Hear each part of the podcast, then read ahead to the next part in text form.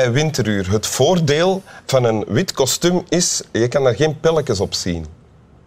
Dus je kan eh, er geen pelletjes op zien, zoals ik net kom te Ja, en zeggen. op zwart wel, hè? Ja. maar ik heb nu geen pijltjes. Of, ze, of ze zijn net eh, weg, weggedaan door de Ja. costumière. Dat zou ook kunnen. Dat zou kunnen. Ja. Eh, welkom in Winteruur. Ja, bedankt dat ik hier mag komen. Het is een heel leuk programma. Gezellig. Ja, Vitalski, Vital Baken, eh potsenmaker, comedian, schrijver, columnist, blogger, verwoed blogger. Ja, vooral. Ja, striptekenaar. Een beetje. Is bloggen wat, je het meeste doet?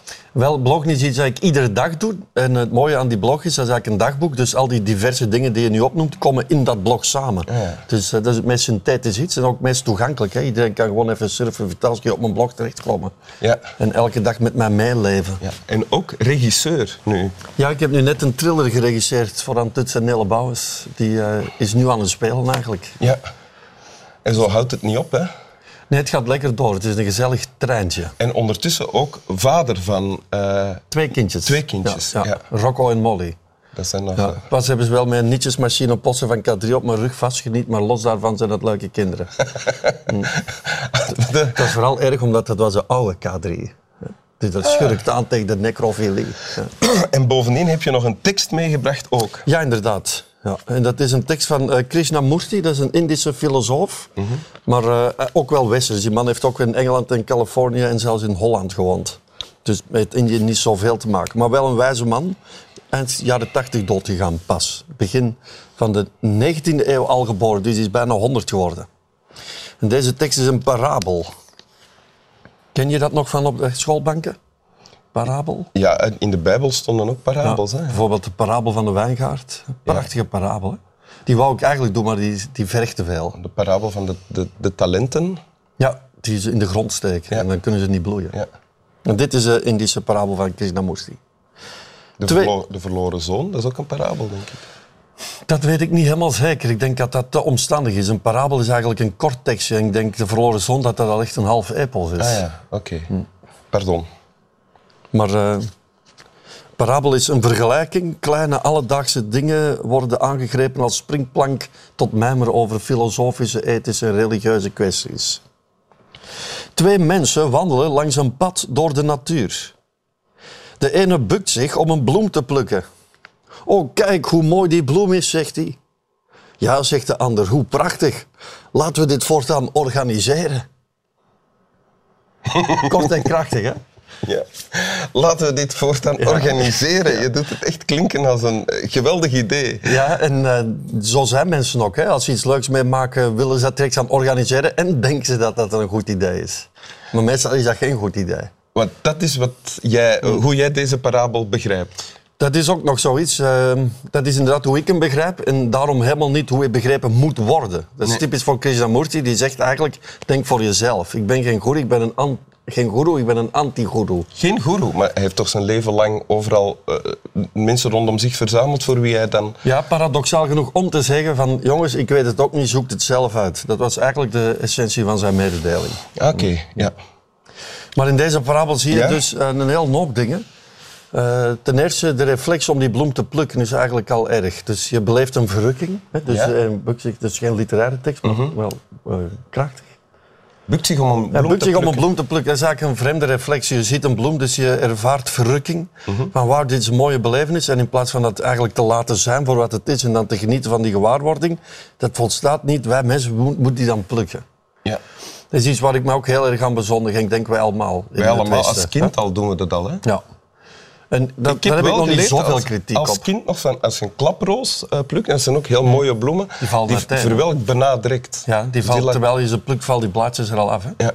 Nu ben ik op zich ook geen bloemenliefhebber, eh, maar wel van hooi bijvoorbeeld. Dus dat is hetzelfde. Wel, het is niet hetzelfde, maar... Ik ben, er wel, ik ben niet, geen tegenstander van dat plukken op zich, omdat onze wereld is zo lelijk. Ik omring mij ook graag met mooie dingen, dus dat gaat nog. Maar dan de grotere fout is dat hij zegt van, tegen zijn vriend van je moet eens kijken hoe mooi dat is. Dus die kerel denkt dat hij die beleving van verrukking, dat hij die kan delen. En dat is wel iets dat ik zelf gelukkig ben afgeleerd.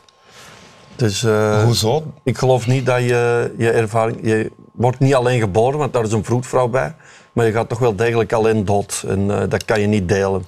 Maar je gaat toch als je, je deelt nu toch ook een tekst, dat doe je toch als je iets ziet op tv dat, dat je de moeite vindt, dan vertel je dat aan vrienden. Wel, ik geloof wel dat ik nu een spektakel ben. Hè. Dus eh, mensen die zich vervelen, die zien mij plotseling, die worden wel een kick gewaar waarschijnlijk. Maar ik vind niet dat de content van wat ik nu te vertellen heb, dat ik dat aan het delen ben. Dat hoeft ook niet, vind ik. Ieder gaat zijn eigen weg.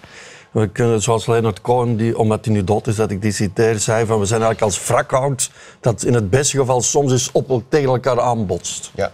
Nu heb je het over, oh kijk hoe mooi die bloem is. Ja, dan nog maar. En dan is er de reflex van die andere. Blijkbaar heeft hij die verrukking niet kunnen delen. Want in plaats van echt die bloem te nemen voor wat die is, zegt hij direct, we gaan dit organiseren. Hij zegt, we gaan voortaan elke dinsdag om half vier, zoals nu, met z'n allen hier komen met bussen Hollanders. En wat ontstaat er dan? Dan gaat er, gaan er mensen zeggen van, ik ga hier ook terwijl vier bloemen plukken. En dan moet je zeggen, ja, maar dat mag wel niet. En je moet naar die bloemen kijken, want die, daar gaat het niet over. Dan krijg je ruzie, oorlog, gaan ze er geld mee willen verdienen. Dus die reflex om dingen te organiseren, dat is dingen eigenlijk te willen herhalen, want dat is wat er hier gebeurt ook, hè, denk ik. Ja, ook nog eens, ja. Dus eh, dat is ook iets dat Nietzsche zei. Dus iets willen wil eigenlijk zeggen iets terug willen. Iets Je- opnieuw je, willen. je, je, je hebt een one-night stand met een toffe dame, iets waar jij soms mee bezig bent. En dan denk je, ik wil die volgende week terugzien, ik wil die morgen terugzien. En overmorgen ook. En dan wordt dat een systeem en een relatie en dan ga je dingen van elkaar eh, eisen. Dus eh, dat, die organisatorische reflex maakt die, die eh, impulsieve gewaarwording helemaal stuk. Dus je kan nooit iets een tweede keer... Ik kan nooit iets een tweede keer opnieuw beleven. Dus het is eigenlijk dom om daar een tweede keer naar op zoek te gaan. En is wat je nu zegt, is het alleen maar... eh, een ge- ge- zijn dat alleen maar gedachten of is dat dan ook wat je toepast in je leven? Hm. Ik wist dat die vraag ging komen omdat je die meestal stelt in dit programma. Dus ik heb er even over nagedacht. En het ding is, ik bezondig me ook wel ten zeerste aan die organisatorische reflex. Ik wil ook dingen onder controle hebben. Ik vind het ook heel moeilijk te genieten van de dingen zoals die zich voordoen. Ik heb er namelijk niet genoeg aan. Ik vind dat dan zo sterfelijk en zo nutteloos. Dus ik organiseer ook wel dingen. Maar wat ik probeer te doen, is dat organiseren niet de overhand te laten nemen. Bijvoorbeeld, ik heb morgen een première, dus ik ga organiseren. Dat licht moet langs vandaar komen, dat geluid moet zo klinken, dat moet helemaal voorbereid worden. De première van die thriller. Of van eender wat. Hè. Ah, dus ik spreek oké. nu ook in een soort parabel. Maar wat ik dan Moet probeer je is... eigenlijk eerst aankondigen. Maar nu weet ik het. Ja, ja, Dus, de ja. parabel van de première. Oké. Ja. Dus je bent dat aan het organiseren. En dat moet dan maar. Maar ik probeer al organiserende dat dat, dat dat niet de overhand neemt. Bijvoorbeeld, wat heb je aan een première als je van de stress diezelfde dag 's morgens je vriendin hebt staan afsnauwen? En dat zie je vaak in de kunstwereld, bijvoorbeeld. Of in alle werelden. Maar al die mensen die de koningin Elisabeth-wedstrijd winnen, die hebben wel lekker hard geoefend en een mooi optreden gegeven. Maar die hebben misschien heel hun relatieleven liggen verneuken. Gewoon voor dat ene moment van perfectie te beleven. En eh, dat vind ik, je moet wel perfectie nastreven, maar de levenskunst is nog belangrijker. Dus, en dat betekent dat al die andere momenten, die, eh, dat die even belang, belangrijk zijn. Ja, dat is het net, ja. Dus het is normaal dat wij denken aan morgen, maar dat mag niet ten koste gaan van vandaag. Hm. Want dat is het ergste. Iets organiseren is op zich nog niet zo erg. Zelfs als dat mislukt, kan dat wel grappig zijn. Maar die mensen die die bloem plukken en direct beginnen denken van we gaan dit organiseren, die zijn zelfs op dat moment al niet meer bezig met die bloem zelf. Dus dat is het ergste. Waar zijn ze dan wel mee bezig? Eh, ze zijn bezig met hun hersenen, met hun verstand. En dat verstand loopt eigenlijk hun ziel in de weg. Maar jij bent onder andere comedian. Ja, ik ben een heleboel dingen, zoals je daar straks zelf dus, zei. dus je hebt, af en toe heb je een voorstelling, een show, en die, die doe je dan zoveel keer, toch? Ja, en dat, is, dat vind ik dus zelf ook eigenlijk ronduit achterlijk. Dus in mijn contracten staat letterlijk, Vitasi gaat die avond voor die, op die locatie avondvullende komische voorstelling geven. Dus dat hoort bij de definitie van jij moet nu komisch zijn. We zitten hier al een half uur en we hebben nog niet één keer gelachen. Er is hier iets helemaal mis aan het lopen. Dus dat is krankzinnig. Dat is 1984 eigenlijk. En, maar, want, maar je doet het wel. Leid je daar dan onder? Ik leid daar heel erg onder. Ja? Ja. Oké. Vooral omdat ik vind mezelf wel grappig, maar ik heb natuurlijk een erg specifiek gevoel voor humor. En eh, ik kan me inbeelden dat er miljoenen mensen zijn die mijn humor die dat helemaal niet grappig vinden. En dan, ja, waar sta je dan met, met het begrip komische voorstelling? Hm. Dus dat is jammer eigenlijk. Hè? Eh, Daar, daar leid je waarschijnlijk ook wel onder. Hè? Eh, verwachtingen waar je aan moet tegemoetkomen. Ja. Maar als ik het goed doe, dan, dan eh, zorg ik ervoor dat ik daar eigenlijk geen last meer van heb, van die, van die verwachtingen. En dan kijk ik naar wat ik nodig heb om de best mogelijke voorstelling te spelen, waar ik zelf zoveel mogelijk plezier uithaal. En als ik dat doe, eh, dan werkt het ook altijd voor de mensen. Dat klopt wel, ja. Het enige dat je kan doen is eigenlijk eerlijk zijn tegenover jezelf. Ja. Mhm. Maar dan moet je jezelf altijd wel opnieuw aan herinneren. Ja. Wil je de tekst nog eens Ja. voorlezen? Weet je wat hier ook een goed voorbeeld is dat ik nog snel mag zeggen? Als je nu naar een concert gaat, staat iedereen dat concert te filmen. Ja. Gsm. In plaats van van dat concert te genieten, moet er ook dat ding tussen. Ja. Twee, Geven, krijgen we nog even snel mee. ja, hè? daarom ga ik nu sneller lezen. Oké. Twee mensen wandelen langs een pad door de natuur. De ene bukt zich om een bloem te plukken.